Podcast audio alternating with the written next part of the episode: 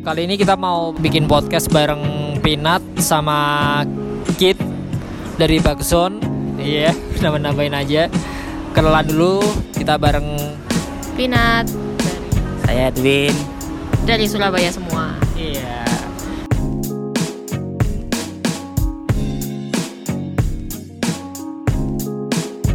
Oke, start dancing mulai sekitar 2008 agak akhir akhir-akhir SMA. Terus itu otodidak jadi zaman-zaman DBL. Ya, eh kelas kelas 3, kelas 2 ke kelas 3. Tuh, zaman DBL terus setel, pas kelas 3 itu baru join Heavy Back Styles. Sampai sekarang masih nari gitu. Oh, berarti mulainya malah dari DBL dulu ya? Ya mulai dari DBL karena lihat lihat kokoku sebenarnya lihat lihat kakak lihat kakak nari duluan terus baru tahu YouTube siapa siapa yang nari terus ketularan gitu. Kalau Kit sendiri mulai terjun di media dari langsung ke media buat dance atau videografi dulu atau gimana? Kalau aku sih awalnya itu sejujurnya iseng-iseng.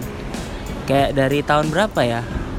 Sebenarnya dari kecil tuh kayak udah suka foto-foto pakai kamera analog. Terus sempat ya setiap kali foto-foto selalu sama mama tuh kayak dibikin apa dicetak hasilnya. Jadi kayak suka koleksi foto.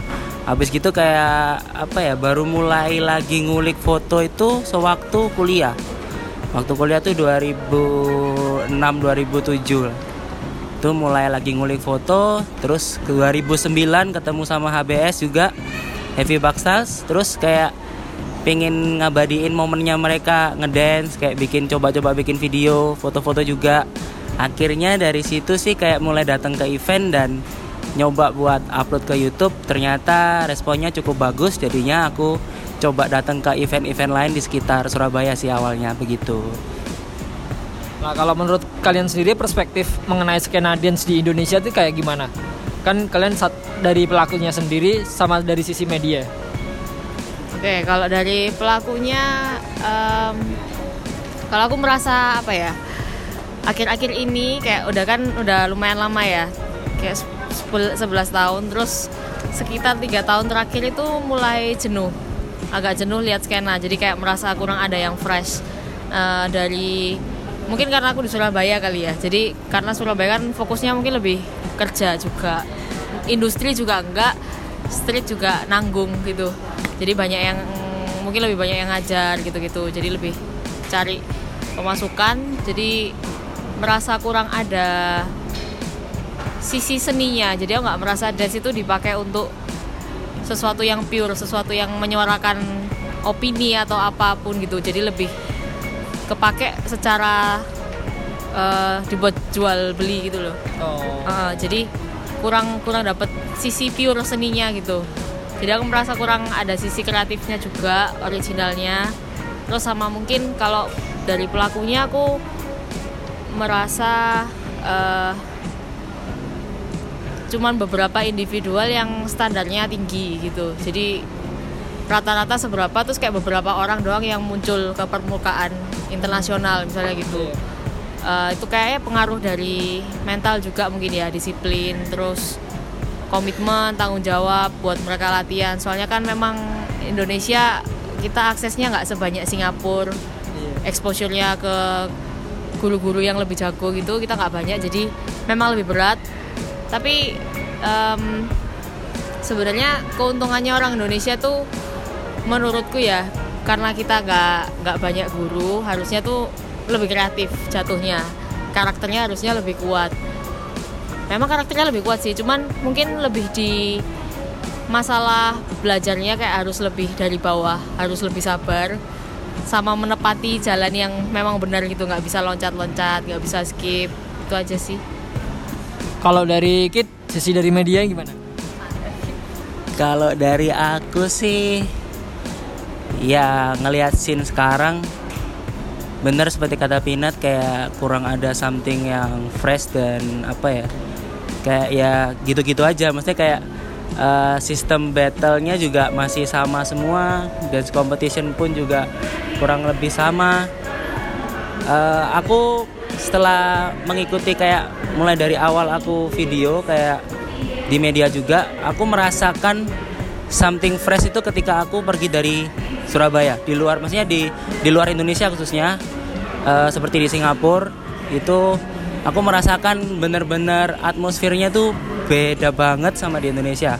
Nggak tahu kenapa ya soalnya kayak di sana mungkin untuk akses orang-orang luar datang ke Singapura pun lebih mudah karena di sana juga tempat transit dari semua negara kan di Singapura. Jadi kayak uh, di sana lebih kotanya juga lebih kecil jadi kalau mau ngumpul di mana pun kayak nggak nggak ada alasan gitu. Kayak misalkan aku lagi ada event di sini kan bisa tinggal naik MRT atau tinggal naik bus jadi kayak di sana tuh aku merasakan ada apa ya masih kayak komunitasnya juga lebih hidup. Dan menurutku juga dan di Singapura juga bisa dikatakan sekarang sudah bisa dijadikan sebagai profesi. Jadi orang sekarang berlomba-lomba jadi dancer supaya bisa bekerja jadi profesi juga.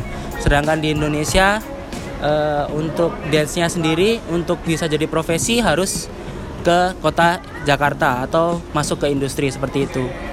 Ya, kalau di sini mereka masih bisa bekerja sesuai dengan idealis. Uh, kalau di Singapura mereka masih bisa bekerja sesuai dengan idealisme mereka. Uh, apalagi ya? Ya, uh, saranku sih untuk menemukan sesuatu yang baru kayaknya memang kita harus keluar dari culture kita, terutama keluar negeri supaya kayak apa ya? Pasti akan merasakan sebuah culture shock juga. Orang luar juga uh, punya pemandangan yang berbeda jadi kita bisa saling sharing dan mungkin uh, dari kita bisa traveling ke luar negeri kita balik ke Indonesia juga bisa memikirkan atau bikin kreativitas yang lain untuk menciptakan event yang lebih fresh lagi sih. Menurutku seperti itu. Nah ini kan tadi kan bahas juga masalah apa profesi dan segala macamnya kalau di luar negeri dan lain-lain. Kalau di Indonesia agak susah. Nah menurut kalian sendiri kalau buat hostel itu di Skenadians baik sebagai pelaku tarinya atau sebagai medianya susah apa gampang kan uh, agak frontalnya cuannya sesuai gak sih sama kerja kerasnya kalian? Oke kalau dari aku uh, aku merasa sangat susah karena dan situ pakai fisik jadi menurutku yang bisa long term kayak misalnya laku di booking sampai tua gitu ya antara kreatornya atau memang uh, orang yang levelnya sangat-sangat tinggi. Jadi sampai well known internasional gitu ya. Bukan Southeast Asia atau apa. Itu baru menurutku bisa laku sampai tua. Karena kalau udah tua banget pasti kan ngajarnya kita nggak sebagus waktu muda. Nah itu yang jadi kalau ngajarnya nggak seberapa bagus pasti yang diperhitungkan adalah ilmu yang mereka punya atau uh, knowledge-nya. Intinya lebih ke yang non fisik. Tapi apa yang bisa dikasih mereka uh, secara non fisik. Jadi nggak bisa kalau kita ilmu, ilmunya setengah-setengah atau prestasinya setengah-setengah gitu. Jadi, sedangkan di Indonesia susah banget kalau kita mau nembus sampai worldwide gitu ya. Iya.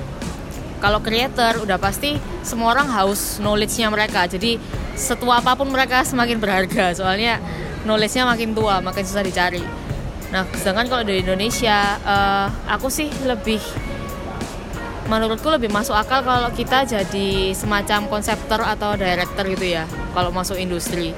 Daripada maksudnya mengandalkan ngajar misalnya sampai tua atau kita bisa punya dance school itu kayaknya lebih masuk akal daripada kita jadi pekerjanya yang sampai tua. Karena pengajar tuh pasti rolling sih. Iya. pasti rolling kayak selesai bukan selesai dipakai ya maksudnya ada masanya gitu loh. Iya. itu uh, jadi sangat susah. Hmm, apa tadi pertanyaannya ya susah terus uh, duitnya itu misal kalau jadi mengajar nih sesuai nggak sih sama prestasi kita pagi ini? Harganya itu cocok apa enggak oh, iya. kalau di Surabaya menurutku tidak cocok kayak kurang kurang kurang. Uh, soalnya um, menurutku pengajar juga ilmunya beda sama dancer. Pengajar harus bisa bikin ilmunya itu kayak dirangkai lagi gimana caranya biar yang dapat itu gampang nangkepnya dan bisa diaplikasikan. Dan itu kan butuh mikir jadi kayak double disaring lagi disaring lagi. Dan itu menurutku kurang harganya di Surabaya gitu. Oke, terus kalau dari media nih kan banyak yang beranggapan kalau media ini kalau di Indo pasti dipandangnya ah pakai media ini aja paling cuma transport doang bang. Atau udah ada mulai pasang harga kalau dari Bakzone atau ada yang penting tiket aja sekedar kayak uh, support kayak gitu atau gimana Eh, untuk awal-awalnya sih ya semua pasti diawali dengan support sih. Semuanya juga eh, kita pun jalanan ini juga dari hobi kemudian kayak merasa suka dan pengen lanjutin lanjutin lanjutin lagi. Jadinya kayak ada event apa kita masih kadang berangkat sendiri berusaha untuk datang ke event di luar kota juga pakai uang sendiri. Terus lama kelamaan ketika kita juga udah mulai kayak sharing di Facebook atau di YouTube video ada ada foto ya mulai lambat laun kita mulai kayak ditawarin bisa nggak support kita di eh, support acara kita? Kita kasih misalkan akomodasi. Awalnya sih seperti itu.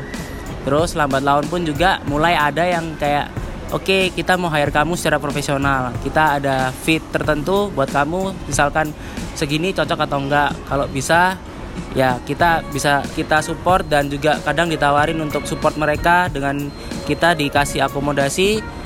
Mulai ada yang nawarin kayak kita mau hire kamu secara profesional. Kira-kira budgetnya berapa? Kalau sesuai ya oke okay, kita bisa kerja bareng. Ada sih beberapa yang seperti itu. Tapi selama aku kalau aku sendiri uh, tipenya sih bukan filmmaker. Kalau filmmaker tuh lebih ya bikin movie sinematik kalau aku lebih ingin mendokumentasikan eventnya battlenya atau dance competitionnya seperti itu. Dan lebih banyak juga aku biasanya setiap event selalu ambil foto sama video battle atau dance competition. Jarang sih aku bikin recap. Kadang kalau sempat untuk ngedit baru bikin recap. Karena bikin recap itu kayak butuh apa ya effort lebih juga karena nggak bisa kalau misalkan satu orang ngerjain bikin foto eh apa ambil foto terus ngambil video apa videonya full juga terus masih bikin recap lagi itu lumayan berat sih. Jadi selama ini kalau aku di hire-nya lebih seringnya udah kayak dibagi ada beberapa tim juga masih ada beberapa production juga. Sewaktu terakhir kemarin in the beat 2000 berapa ya? 2016 itu ada aku ada AP ada Arab. Aku bagian dokumentasi untuk fullnya dok, uh, dok, dance competition dan juga battle. Si Arab bagian foto dan si AP bagian recap. Nah sebentar ini nyambung apa ya tadi ya? Si dem jadi uh, terus akhir-akhir ini pun ya jarang sih kalau ada yang uh, event yang bener-bener mau hire secara profesional profesional. Uh, aku pun beberapa kali juga mungkin masih bisa dihitung nggak sampai lebih dari 15 atau 20 yang benar-benar uh, aku di hire secara profesional. Sisanya sih lebih banyak ke support sama uh, yaitu kayak dibantu akomodasi atau apa seperti itu. Jadi kalau aku sendiri sih pengennya sih punya tim tapi untuk bikin tim pun juga dibutuhkan modal. Nggak mungkin juga aku hire tim tapi aku minta mereka secara sukarela juga. Jadi aku juga harus prepare mereka untuk dibayar secara layak untuk menggunakan jasanya mereka. Dan itu pun kalau dihitung-hitung costnya bisa jadi lumayan besar. Dan untuk event dance itu kayak masih agak berat untuk hire dokumentasi yang ya kamu misalkan butuh recap, butuh full, butuh foto kayak gitu jadinya agak lumayan membengkak di situ. Jadi se aku maaf. Ya itu saya agak sering lompat sana lompat sini. Apa tadi ya? Jadi intinya tadi aku menjawab pertanyaan Mas Jamal nggak ya? Ya masalah layak nggak sih bayarannya?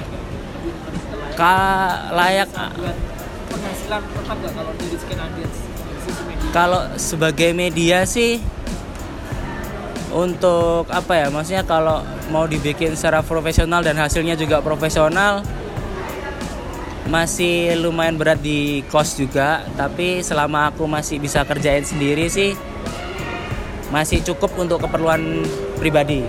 Tapi kalau untuk sebagai profesi yang nantinya untuk berkeluarga atau apa itu masih agak lumayan berat. Jadi dibutuhkan pekerjaan lain yang bisa support ini untuk tetap bisa dijalanin uh, banyak sih kayak teman-temanku dulu yang awal aku mulai kayak beberapa ada banyak kayak ada AP, ada Arab, ada siapa lagi ya? Banyak media yang lain tuh udah pada berhenti semua. Mereka lebih cari kerjaan yang ya mainstream.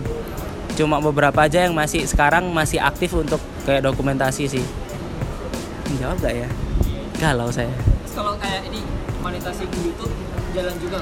Monetizing itu ya aku sempet mikir untuk bisa memonetize di YouTube tapi masalahnya kebanyakan lagu yang dipakai itu selalu kena copyright jadi otomatis nggak bisa dimonetize ya? Dan juga untuk trafficnya sendiri orang yang nonton juga ternyata nggak sampai sebegitunya. Jadi nggak terlalu banyak viewsnya juga kecuali kayak event-event yang luar negeri dengan judge-judge yang terkenal juga itu baru lumayan viewersnya lumayan tinggi. Kalau untuk lokal sendiri ya kadang cuma 50, 100, nggak lebih dari 100 sih kayaknya kalau untuk yang lokal. Kalau untuk luar negeri paling banyak bisa 50.000 sampai 100.000 pun ada. Ah, terus dance for life atau life for dance kalau buat kalian?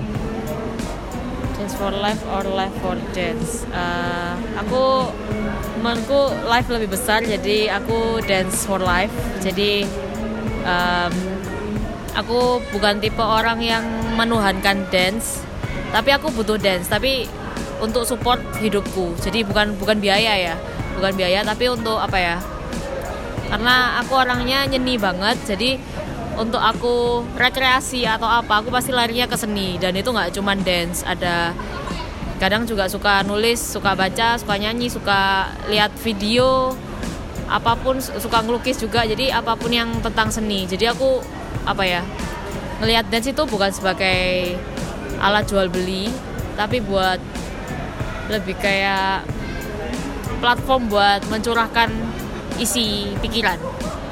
Kayak opiniku kayak o- op- opini yang aku nggak bisa bilang ke orang itu aku curahinya lewat seni gitu jadi nggak nggak untuk mendukung hidup eh, untuk cari uang dan lain-lain jadi hidupku lebih besar daripada dance jadi dance itu cuman sebagian kecil dari hidupku begitu Kalau kid Hah? Saya bukan dancer, Pak. kan Bingung. Iya, Masih di dunia dance. iya gimana ya? Live apa? Live for dance atau dance for life? Kayaknya ya sama sih live eh apa? Live for dance. Ya, live for dance. Bukan dance for life. Eh? kan dance for life. Dance untuk hidup. Life adalah nari. Oh, bentar bentar bentar bentar. bentar. Saya agak sedikit rancu. eh apa ya life for dance atau dance for life kalau aku sih sekarang kan sebagai penikmat aja kayak nggak tahu kenapa setiap ada event dance tuh kayak ada ketertarikan untuk datang atau nonton. Jadi kalau aku yang pasti juga dance itu lifestyle. Maksudnya kayak ya salah satu bagian dari hidupku yang mungkin sampai aku tua pun nggak akan bisa lepas karena aku sangat-sangat apa ya suka dan sangat ngelihat itu kayak lihat orang nari itu kayak wow kayak aku merasa lebih uh, kalau misalkan aku lagi apa boring atau apa ngelihat orang ngedance itu kayak lebih refresh lagi gitu. Meskipun aku pun sendiri nggak nari tapi aku hanya sebagai penikmat aja dan apa ya ya apa ya sih dance for life life for dance. Sih aku bingung mau ngomong apa ini tadi?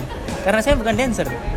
Bentar bentar diulang lagi. Jadi eh, karena aku kan bukan dancer hanya sebagai penikmat aja. Jadi dance itu hanya sebagai lifestyle buat aku. Jadi kayak eh, dance itu salah satu hal yang bisa membuat aku lebih refresh lagi dikala aku lagi boring atau lagi apa. Eh, jadi dance itu ya itu tadi sebagai lifestyle.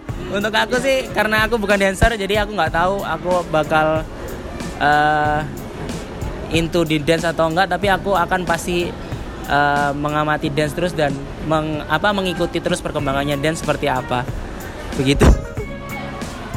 Lebih ke penikmat ya berarti ya. Eh, Kalau menurut Pinat, beefing itu perlu apa enggak sih? perlu atau enggak ntar ya pertanyaannya perlu atau enggak Em, mungkin apa ya kalau beefing tuh kayak pasti ada cuman biasanya ter- mungkin di repress gitu ya. Iya. kayak mungkin tidak sesuai etika atau norma yang berjalan tapi menurutku itu hal yang sangat natural dan sangat apa ya kita kan manusia uh, dancer seniman di setirnya banyaknya pakai emosi kan. Uh, jadi menurutku beefing itu uh, bukan kalau menurutku bukan perlu atau nggak perlu tapi kayak harus diperbolehkan gitu loh iya nggak apa-apa nggak apa-apa aja. Kalau nggak ada juga nggak apa-apa nggak usah dicari. Kalau ada ya nggak apa-apa dirasain aja. Maksudnya buat secara yang sehat ya bukan bukan drama kayak di sosmed terus tidak ada di dunia nyata jangan di dunia nyata aja jangan di sosmed. Jadi kalau ada beefing ya langsung aja sama orangnya diselesain. Toh juga uh, bisa jadi temen malah menurut kalau beefing. Semakin kuat itu kan berarti apa ya menurutku orang yang majunya kenceng itu pasti ada sesuatu yang ekstrim di pikiran mereka. Nah kalau beefingnya orangnya sama itu keren kalau bisa bertukar pikiran. Jadi kayak pandangannya sama-sama ekstrim terus kok kok bisa yakin aku kok bisa yakin terus ketemu itu baru seru sih. Kalau beefingnya drama itu baru nggak seru kecuali sebagai penonton seru. Ya ya terus kalau menurut kalian uh, pandangan skena dance itu di level mana? Udah bisa bersaing secara global di internasional apa cuma baru satu dua orang yang masih yang udah layak ke internasional? Hmm, ya mungkin satu dua orang satu dua tiga empat lima enam tujuh delapanan orang gitu yang bisa uh, kayak range-nya di Indonesia tuh gede banget nggak tahu kenapa mungkin karena jarak juga ya uh, jadi kayak misalnya satu orang tuh di level paling atas. Ada orang di Indonesia juga yang levelnya paling bawah dan itu jumlahnya bermacam-macam.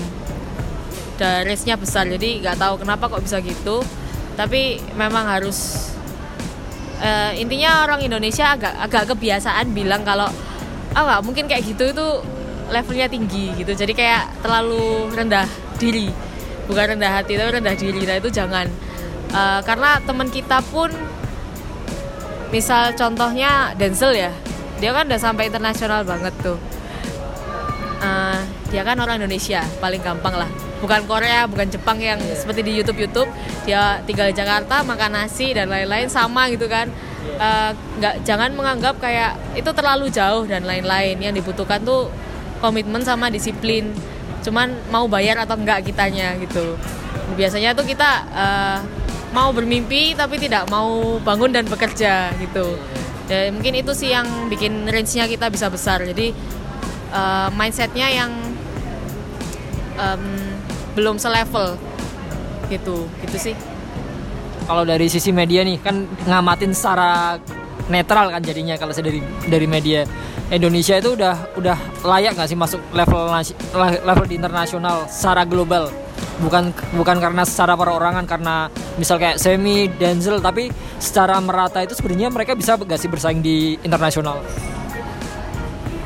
Sebenarnya sih apa ya sangat-sangat mungkin sekali untuk dancer Indonesia ikut kompetisi di internasional. Uh, kata kata filmnya Mili dan Mamet kalau kita nggak coba kita akan nggak tahu hasilnya seperti apa jadi banyak dulu kayak aku ngikutin juga anak-anak Indonesia yang pertama kali ke RF Jam. Mereka ya bisa dibilang underdog. Kayak orang tidak melihat mereka kayak punya potensi untuk bisa masuk ke misalkan top 16 tapi waktu itu mereka tidak dinyana-nyana ternyata mereka ada dari yang Crew kalau nggak salah waktu itu. Ada Bucek, Abi sama Edo Fankologic eh bener Edo Fankologic ya. Mereka masuk ke top 16 dan itu sangat-sangat wow sekali sih untuk orang Indonesia yang pertama kali bisa dibilang pertama kali sih setahu setahu setahu saya itu pertama kali mereka juga ikut event di RF Jam dan mereka bisa masuk top 16 dari berapa ratus tim waktu itu.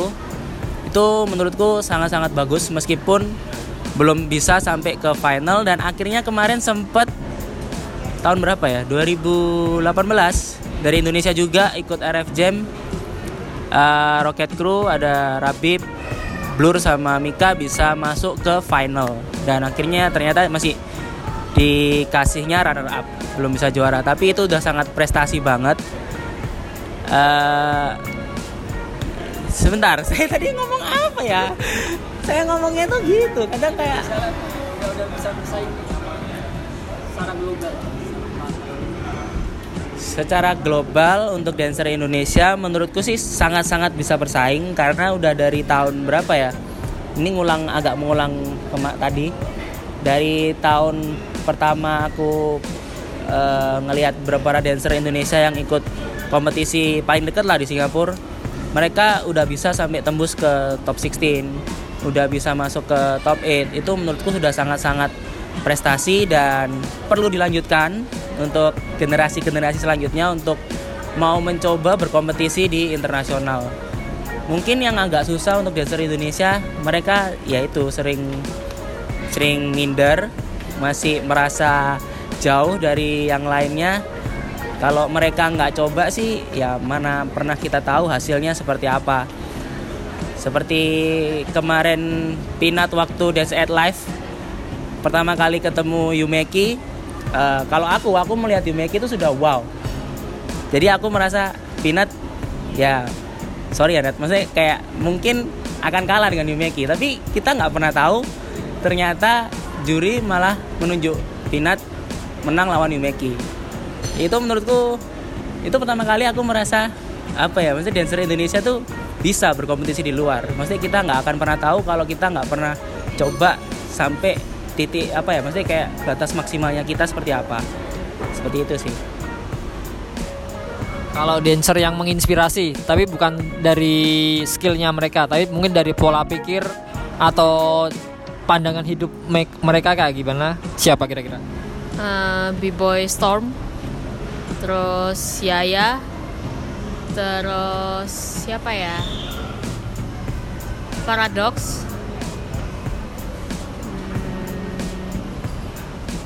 Paris Gobel. Itu kayak kalau dancer yang paling pengen di call out di Indo? Di Indo. Sebentar ya. Uh, oh itu uh, Susi Lady Petrol. Tuh dengerin tuh. Tunggu tunggu saya latihan dulu saya latihan dulu. Terus menurut kalian pandangan tentang eksploitasi komunitas? Kan sekarang skena dance kan udah termasuk gede kan sampai ada kayak DBL sekalian tiap tahun.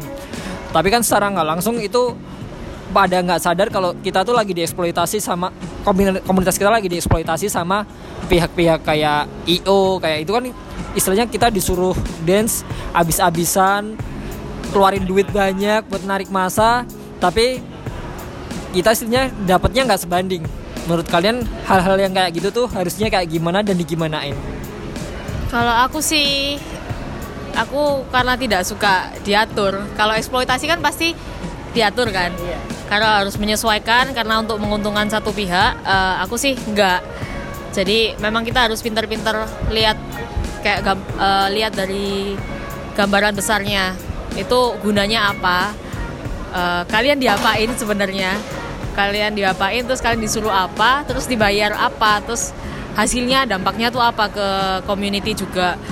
Um, karena nggak tapi nggak bisa dipungkiri juga ada orang-orang yang nggak peduli sama eksploit dieksploitasi pun nggak apa-apa selama dia untung gitu.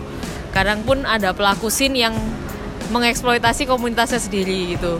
Nah itu menurutku tugas kita sebagai komunitas pun uh, harus berani angkat bicara. Tidak peduli orang itu tua dihormati atau tidak tetap harus speak up gitu. Jadi karena kita sebagai pelaku kita juga punya hak gitu loh. Bukan karena mereka misalnya bos atau orang berduit atau orang yang lebih kaya lebih tua mereka berhak untuk mengeksploitasi nggak juga.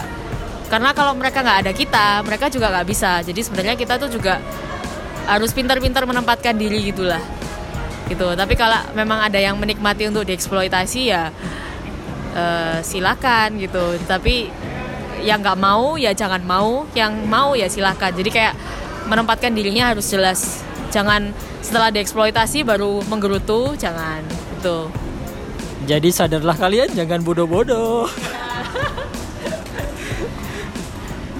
Terus ada ide nggak buat yang kan tadi kan lebih ke Indonesia kan lebih skenanya lagi boring-boring. Ada ide yang mau bikin sesuatu ide sih, ide atau mau bikin apa nih tapi belum kesampaian. Ide-ide yang fresh bikin fresh lagi skena ini. Aku pingin bikin kayak perform competition gitu ya. Tapi nggak tahu nih sih namanya apa dance competition apa gimana. Kayak bikin perform competition.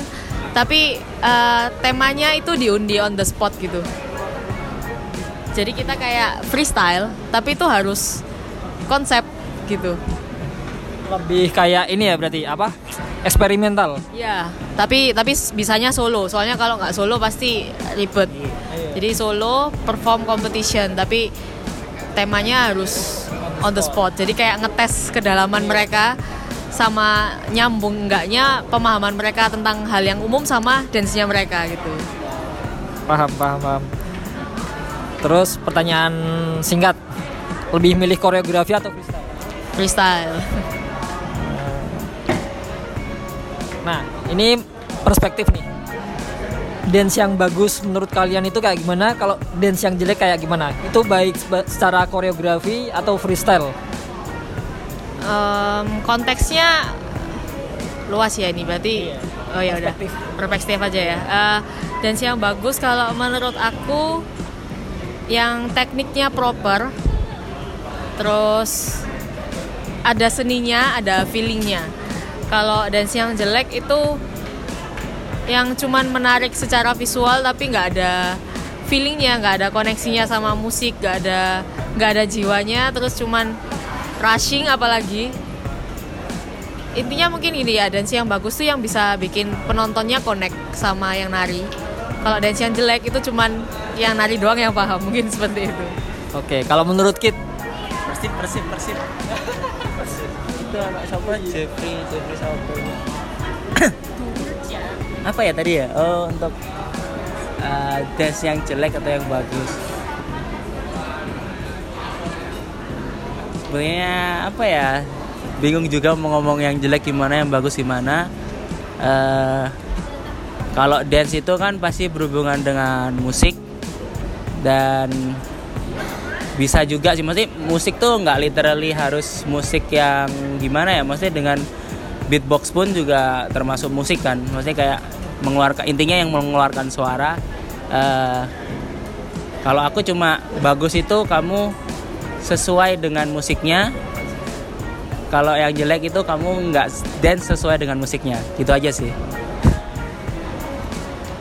Kalau sekarang lebih ke sudut pandang juri jadi bukan kalian sebagai sudut pandang juri tapi kalian melihat sudut pandangnya sudut pandang juri terhadap orang itu menurut kalian gimana apakah juri itu selalu benar atau gimana juri tidak selalu benar karena juri manusia, tapi karena kompetisi aturannya harus menuruti juri, tapi bukan berarti juri benar.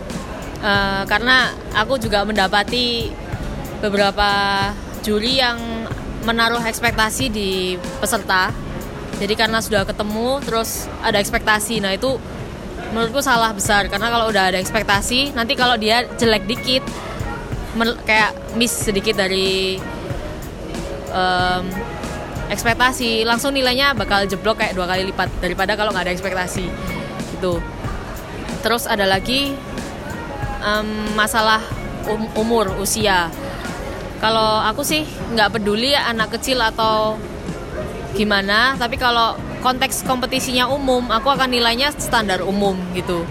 Jadi nggak ada nilai plus karena kalian imut atau apa gitulah ya. Terus um, ada juga yang terpengaruh sama crowd. Kayak ke pressure dengan opini crowd gitu.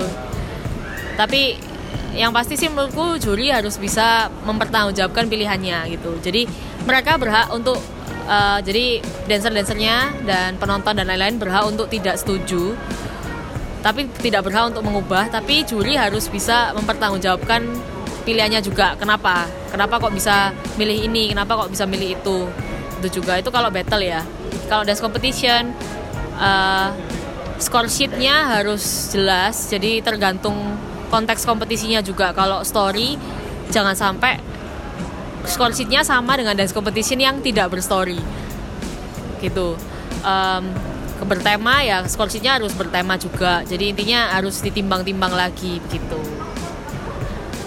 Jadi bisa dibilang eh, bukannya juri yang sombong kalau waktu mulai kompetisi terus dia kayak jaga jarak sama peserta tapi buat jaga batas biar ber, gak berekspektasi ya.